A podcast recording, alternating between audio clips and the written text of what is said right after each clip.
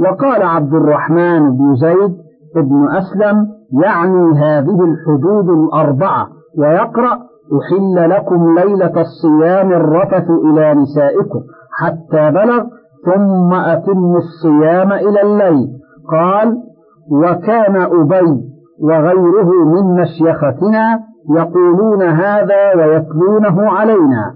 كذلك يبين الله آياته للناس أي كما بين الصيام وأحكامه وشرائعه وتفاصيله كذلك يبين سائر الأحكام على لسان عبده ورسوله محمد صلى الله عليه وسلم للناس لعلهم يتقون أي يعرفون كيف يهتدون وكيف يطيعون كما قال تعالى هو الذي ينزل على عبده آيات بينات ليخرجكم من الظلمات إلى النور وإن الله بكم لرؤوف رحيم. ولا تأكلوا أموالكم بينكم بالباطل وتدلوا بها إلى الحكام لتأكلوا فريقا من أموال الناس بالإثم وأنتم تعلمون.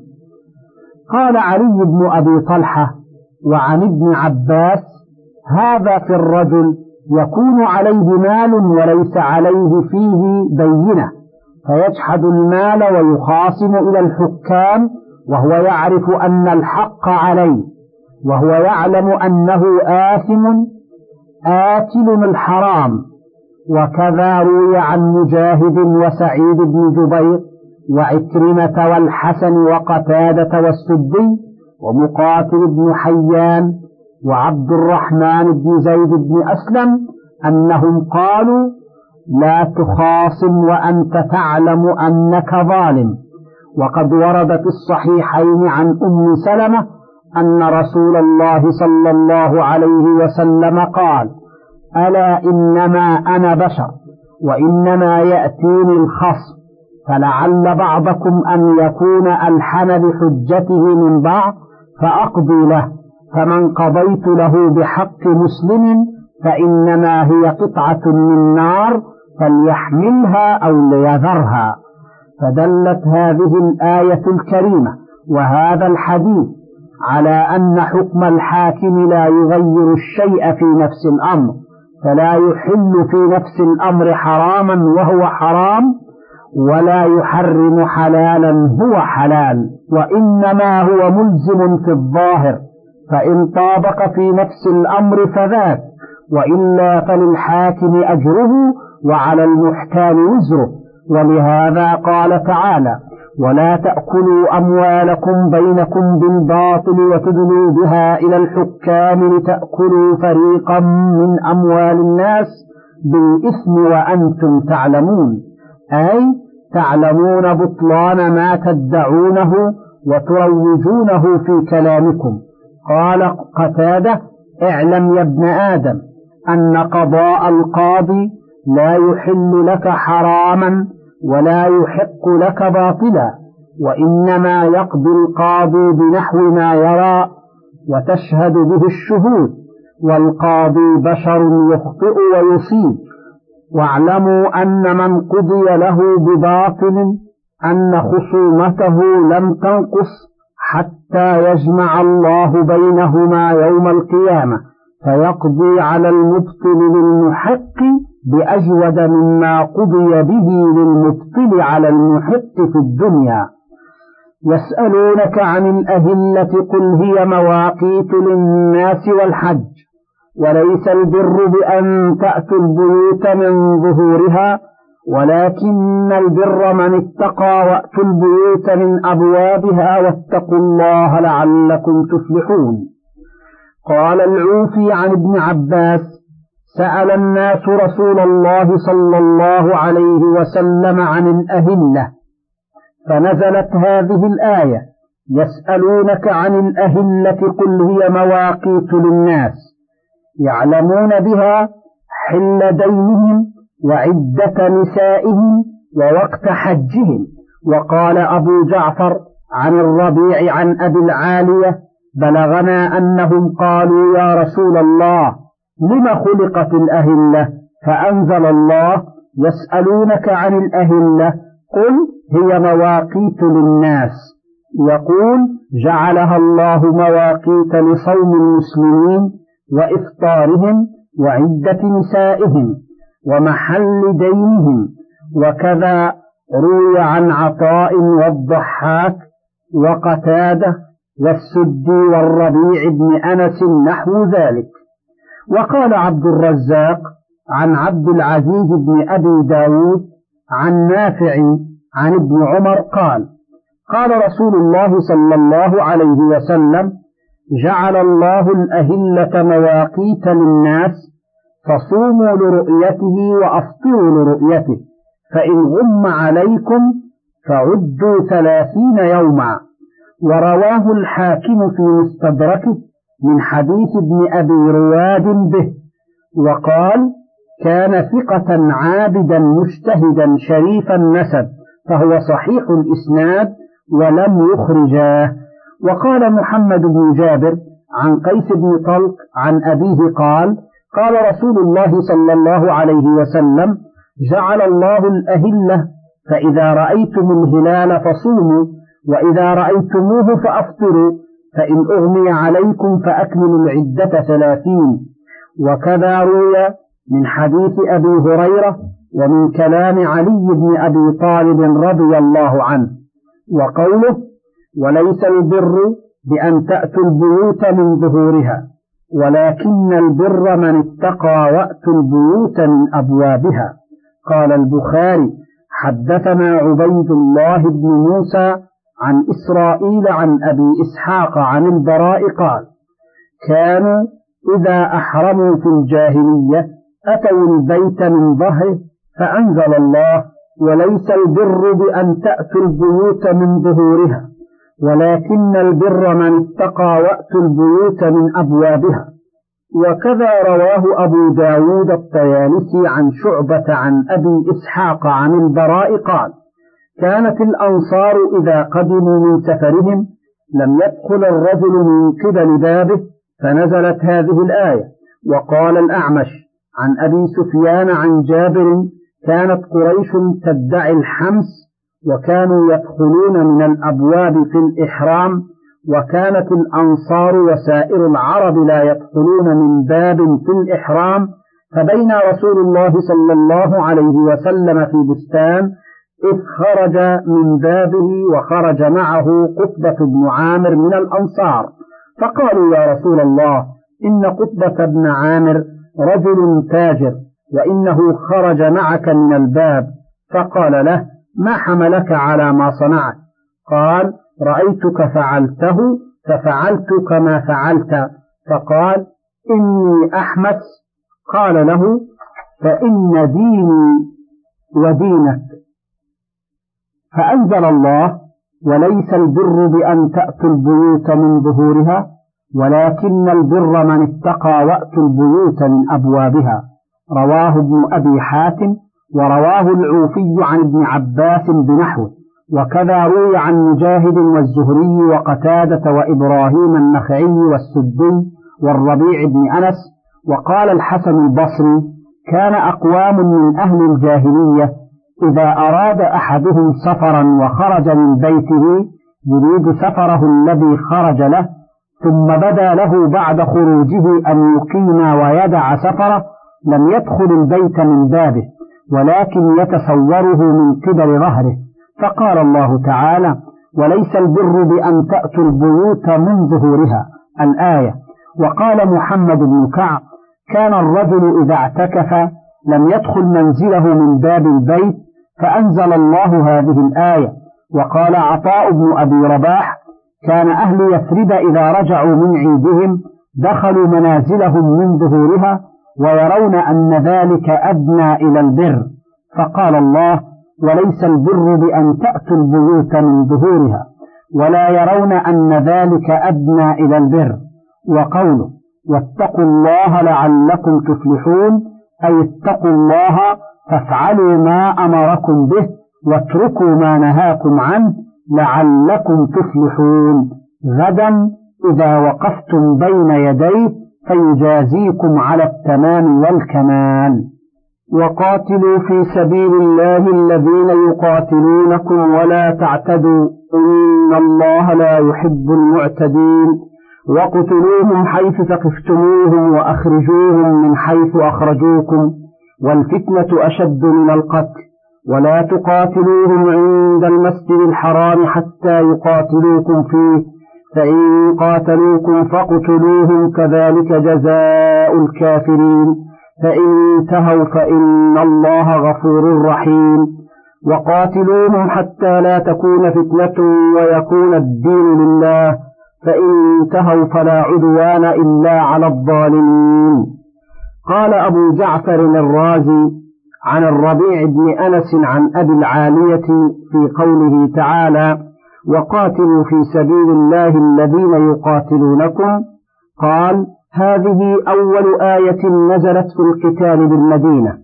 فلما نزلت كان رسول الله صلى الله عليه وسلم يقاتل من قاتله ويكف عمن كف عنه حتى نزلت سورة براءة. وكذا قال عبد الرحمن بن زيد بن أسلم حتى قال هذه منسوخة بقوله فاقتلوا المشركين حيث وجدتموه.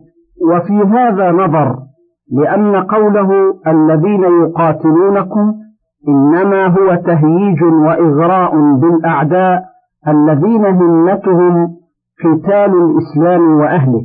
أي كما يقاتلونكم فاقتلوهم أنتم كما قال وقاتلوا المشركين كافة كما يقاتلونكم كافة.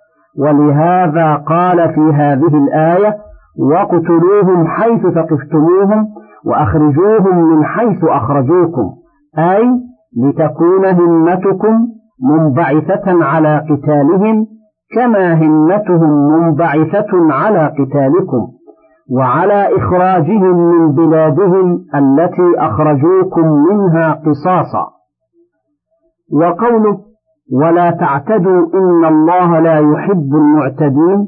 أي قاتلوا في سبيل الله ولا تعتدوا في ذلك. ويدخل في ذلك ارتكاب المناهي كما قاله الحسن البصري من المثلة والغلول وقتل النساء والصبيان والشيوخ الذين لا رأي لهم ولا قتال فيهم والرهبان وأصحاب الصوامع وتحريق الأشجار وقتل الحيوان لغير مصلحة كما قال ذلك ابن عباس وعمر بن عبد العزيز ومقاتل بن حيان وغيرهم. ولهذا جاء في صحيح مسلم عن بريدة أن رسول الله صلى الله عليه وسلم كان يقول اغزوا في سبيل الله قاتلوا من كفر بالله اغزوا ولا تغلوا ولا تغدروا ولا تمثلوا ولا تقتلوا الوليد ولا أصحاب الصوامع. رواه الإمام أحمد. وعن ابن عباس قال كان رسول الله صلى الله عليه وسلم إذا بعث جيوشه قال اخرجوا بسم الله قاتلوا في سبيل الله من كفر بالله. لا تعتدوا ولا تغلوا ولا تمثلوا ولا تقتلوا الولدان ولا أصحاب الصوامع. رواه الإمام أحمد. ولأبي داود عن أنس مرفوعا نحوه. وفي الصحيحين عن ابن عمر قال وجدت امرأة في بعض مغازي النبي صلى الله عليه وسلم مقتولة فأنكر رسول الله صلى الله عليه وسلم قتل النساء والصبيان. وقال الإمام أحمد حدثنا مصعب بن سلام حدثنا الأجلح عن قيس بن أبي مسلم عن ربعي بن حراش قال سمعت حذيفة يقول ضرب لنا رسول الله صلى الله عليه وسلم أمثالا واحد وثلاثة وخمسة وسبعة وتسعة وأحد عشر فضرب لنا رسول الله صلى الله عليه وسلم منها مثلا وترك سائرها. قال إن قوما كانوا أهل ضعف ومسكنة قاتلهم أهل تجبر وعداوة فأظهر الله أهل الضعف عليهم فعمدوا إلى عدوهم فاستعملوهم وسلطوهم فأسخطوا الله عليهم إلى يوم القيامة. هذا حديث حسن الإسناد ومعناه أن هؤلاء الضعفاء لما قدروا على الأقوياء فاعتدوا عليهم فاستعملوهم فيما لا يليق بهم أسخطوا الله عليهم بسبب هذا الاعتداء. والأحاديث والآثار في هذا كثيرة جدا. ولما كان الجهاد فيه إزهاق النفوس وقتل الرجال نبه تعالى على أن ما هم مشتملون عليه من الكفر بالله والشرك به والصد عن سبيله أبلغ وأشد وأعظم وأطم من القتل. ولهذا قال والفتنة أشد من القتل. قال أبو مالك أي ما أنتم مقيمون عليه أكبر من القتل. وقال أبو العالية ومجاهد وسعيد بن جبير وعكرمة والحسن وقتادة والضحاك والربيع بن أنس في قوله والفتنة أشد من القتل يقول الشرك أشد من القتل وقوله ولا تقاتلوهم عند المسجد الحرام كما جاء في الصحيحين إن هذا البلد حرمه الله يوم خلق السماوات والأرض فهو حرام بحرمة الله إلى يوم القيامة ولم يحل إلا ساعة من نهار وإنها ساعتي هذه حرام بحرمة الله إلى يوم القيامة. لا يعضد شجره ولا يختلى خلاه. فإن, فإن أحد ترخص بقتال رسول الله صلى الله عليه وسلم فقولوا إن الله أذن لرسوله ولم يأذن لكم. يعني بذلك صلوات الله وسلامه عليه قتاله أهله يوم فتح مكة فإنه فتحها عنوة وقتلت رجال منهم عند الخندمة وقيل صلحا لقوله من أغلق بابه فهو آمن ومن دخل المسجد فهو آمن ومن دخل دار أبي سفيان فهو آمن وقوله حتى يقاتلوكم فيه فإن قاتلوكم فاقتلوهم كذلك جزاء الكافرين. يقول تعالى ولا تقاتلوهم عند المسجد الحرام إلا أن يبدأوكم بالقتال فيه فلكم حينئذ قتالهم وقتلهم دفعا للصائم كما بايع النبي صلى الله عليه وسلم أصحابه يوم الحديبية تحت الشجرة على القتال لما تألبت عليه بطون قريش ومن والاهم من أحياء ثقيف والأحابيش عامئذ. ثم كف الله القتال بينهم فقال وهو الذي كف أيديهم عنكم وأيديكم عنهم ببطن مكة من بعد أن أظفركم عليهم. وقال ولولا رجال مؤمنون ونساء مؤمنات لم تعلموهم أن تطؤوهم فتصيبكم منهم معرة فتصيبكم منهم معرة بغير علم ليدخل الله في رحمته من يشاء. لو تزينوا لعذبنا الذين كفروا منهم عذابا أليما. وقوله فإن انتهوا فإن الله غفور رحيم. أي فإن تركوا القتال في الحرم وأنابوا إلى الإسلام والتوبة فإن الله يغفر ذنوبهم ولو كانوا قد قتلوا المسلمين في حرم الله فإنه تعالى لا يتعاظمه ذنب أن يغفره لمن تاب منه إليه. ثم أمر الله بقتال الكفار حتى لا تكون فتنة أي شرك قاله ابن عباس وأبو العالية ومجاهد والحسن وقتادة والربيع ومقاتل بن حيان والسدي وزيد بن أسلم. ويكون الدين لله أي يكون دين الله هو الظاهر العالي على سائر الأديان كما ثبت في الصحيحين عن أبي موسى الأشعري قال سئل النبي صلى الله عليه وسلم عن الرجل يقاتل شجاعة ويقاتل حمية ويقاتل رياء. أي ذلك في سبيل الله؟ فقال من قاتل لتكون كلمة الله هي العليا فهو في سبيل الله. وفي الصحيحين أمرت أن أقاتل الناس حتى يقولوا لا إله إلا الله فإذا قالوها عصموا مني دماءهم وأموالهم إلا بحقها وحسابهم على الله. وقوله فإن انتهوا فلا عدوان إلا على الظالمين. يقول تعالى فإن انتهوا عما هم فيه من الشرك وقتال المؤمنين فكفوا عنهم فإن من قاتلهم بعد ذلك فهو ظالم ولا عدوان إلا على الظالمين. وهذا معنى قول مجاهد ألا يقاتل إلا من قاتل أو يكون تقديره فإن انتهوا فقد تخلصوا من الظلم وهو الشرك فلا عدوان عليهم بعد ذلك.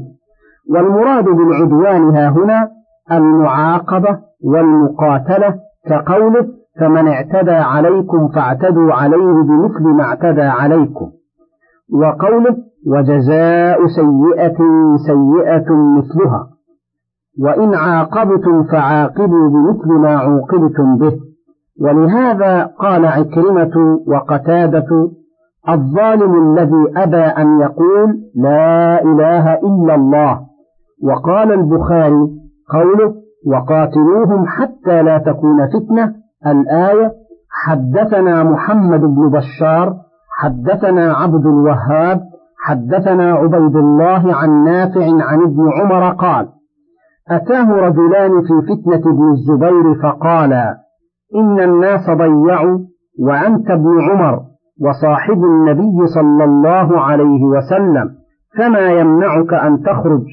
فقال يمنعني أن الله حرم دم أخي. قال ألم يقل الله وقاتلوهم حتى لا تكون فتنة؟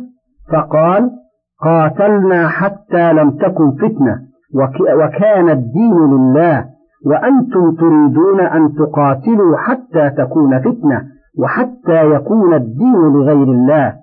وزاد عثمان بن صالح عن ابن وهب أخبرني فلان وحيوة بن شريح عن بكر بن عمر المغافري أن بكير بن عبد الله حدثه عن نافع أن رجلا أتى ابن عمر فقال يا أبا عبد الرحمن ما حملك على أن تحج عاما وتقيم عاما وتترك الجهاد في سبيل الله عز وجل وقد علمت ما رغب الله فيه. فقال يا ابن أخي بني الإسلام على خمس الإيمان بالله ورسوله والصلاة الخمس وصيام رمضان وأداء الزكاة وحج البيت. قالوا يا أبا عبد الرحمن ألا تسمع ما ذكر الله في كتابه؟ وإن طائفتان من المؤمنين اقتتلوا فأصلحوا بينهما فإن بغت إحداهما على الأخرى فقاتلوا التي تبغي حتى تفيء إلى أمر الله وقاتلوهم حتى لا تكون فتنة. قال فعلنا على عهد رسوله صلى الله عليه وسلم وكان الإسلام قليلا. فكان الرجل يفتن في دينه إما قتلوه أو عذبوه حتى كثر الإسلام فلم تكن فتنة. قال فما قولك في علي وعثمان؟ قال أما عثمان فكان الله عفى عنه وأما أنتم فكرهتم أن يعفو عنه وأما علي فابن عم رسول الله صلى الله عليه وسلم وختمه فأشار بيده فقال هذا بيته حيث ترون. الشهر الحرام بالشهر الحرام والحرمات قصاص فمن اعتدى عليكم فاعتدوا عليه بمثل ما اعتدى عليكم واتقوا الله واعلموا أن الله مع المتقين. قال عكرمة عن ابن عباس والضحاك والسدي وقتادة ومقسم والربيع بن أنس وعطاء وغيرهم لما صار رسول الله صلى الله عليه وسلم معتمرا في سنة ست من الهجرة وحبسه المشركون عن الدخول والوصول إلى البيت وصدوه بمن معه من المسلمين في ذي القعدة وهو شهر حرام حتى قاضاهم على الدخول من قابل فدخلها في السنة الآتية هو ومن كان من المسلمين وأقصه الله منهم فنزلت في ذلك هذه الآية. الشهر الحرام بالشهر الحرام والحرمات قصاص. وقال الإمام أحمد حدثنا إسحاق بن عيسى حدثنا ليث بن سعد عن أبي الزبير عن جابر بن عبد الله قال لم يكن رسول الله صلى الله عليه وسلم يغزو في الشهر الحرام إلا أن يغزى وتغزوا فإذا حضره أقام حتى ينسلخ. هذا إسناد صحيح.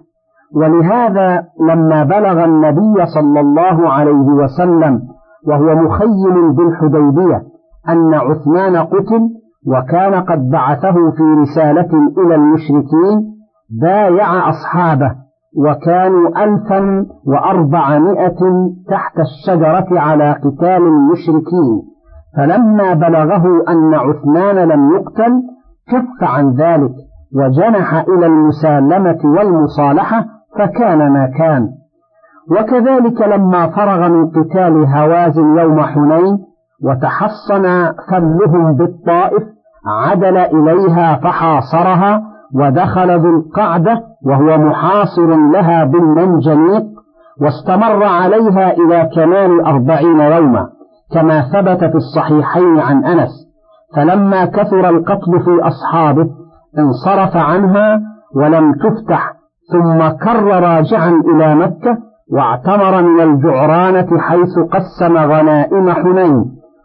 وكانت عمرته هذه في ذا القعدة أيضا عام ثمان صلوات الله وسلامه عليه. وقوله فمن اعتدى عليكم فاعتدوا عليه بمثل ما اعتدى عليكم أمر بالعدل حتى في المشركين كما قال وإن عاقبتم فعاقبوا بمثل ما عوقبتم به وقال وجزاء سيئة سيئة مثلها وروى علي بن أبي طلحة عن ابن عباس أن قوله فمن اعتدى عليكم فاعتدوا عليه بمثل ما اعتدى عليكم نزلت بمكة حيث لا شوكة ولا جهاد. ثم نسخ بآية القتال بالمدينة وقد رد هذا القول ابن جرير وقال بل الآية مدنية بعد عمرة القضية وعزى ذلك إلى مجاهد رحمه الله. وقوله واتقوا الله واعلموا أن الله مع المتقين أمر لهم بطاعة الله وتقواه. وإخبار بأنه تعالى مع الذين اتقوا بالنصر والتأييد في الدنيا والآخرة. وأنفقوا في سبيل الله ولا تلقوا بأيديكم إلى التهلكة وأحسنوا. إن الله يحب المحسنين. قال البخاري حدثنا إسحاق أخبرنا النضر أخبرنا شعبة عن سليمان. سمعت أبا وائل عن حذيفة وأنفقوا في سبيل الله ولا تلقوا بأيديكم إلى التهلكة. قال نزلت في النفقة. ورواه ابن أبي حاتم عن الحسن بن محمد بن الصباح عن أبي معاوية عن الأعمش به مثله. قال وروي عن ابن عباس ومجاهد وعكرمة وسعيد بن جبير وعطاء والضحاك والحسن وقتادة والسدي ومقاتل بن حيان نحو ذلك. وقال الليث بن سعد عن يزيد بن أبي حبيب عن أسلم أبي عمران قال حمل رجل من المهاجرين بالقسطنطينية على صف العدو حتى خرقه. ومعنا أبو أيوب الأنصاري فقال ناس ألقى بيده إلى التهلكة. فقال أبو أيوب نحن أعلم بهذه الآية. إنما نزلت فينا. صحبنا رسول الله صلى الله عليه وسلم وشهدنا معه المشاهد ونصرناه. فلما فشى الإسلام وظهر اجتمعنا معشر الأنصار تحببا فقلنا قد أكرمنا الله بصحبة نبيه صلى الله عليه وسلم ونصره حتى فشى الإسلام وكثر أهله. وكنا قد آثرناه على الأهلين والأموال والأولاد. وقد وضعت الحرب أوزارها. فنرجع إلى أهلينا وأولادنا. فنقيم فيهما. فنزل فينا. وأنفقوا في سبيل الله ولا تلقوا بأيديكم إلى التهلكة. فكانت التهلكة في الإقامة في الأهل والمال وترك الجهاد. رواه أبو داود والترمذي والنسائي وعبد بن حميد في تفسيره. وابن أبي حاتم وابن جرير وابن مردوي والحافظ أبو يعلى في مسنده وابن حبان في صحيحه والحاكم في مستدركه. كلهم من حديث يزيد بن أبي حبيب به. وقال الترمذي حسن صحيح غريب. وقال الحاكم على شرط الشيخين ولم يخرجاه. من فضلك تابع بقية المادة.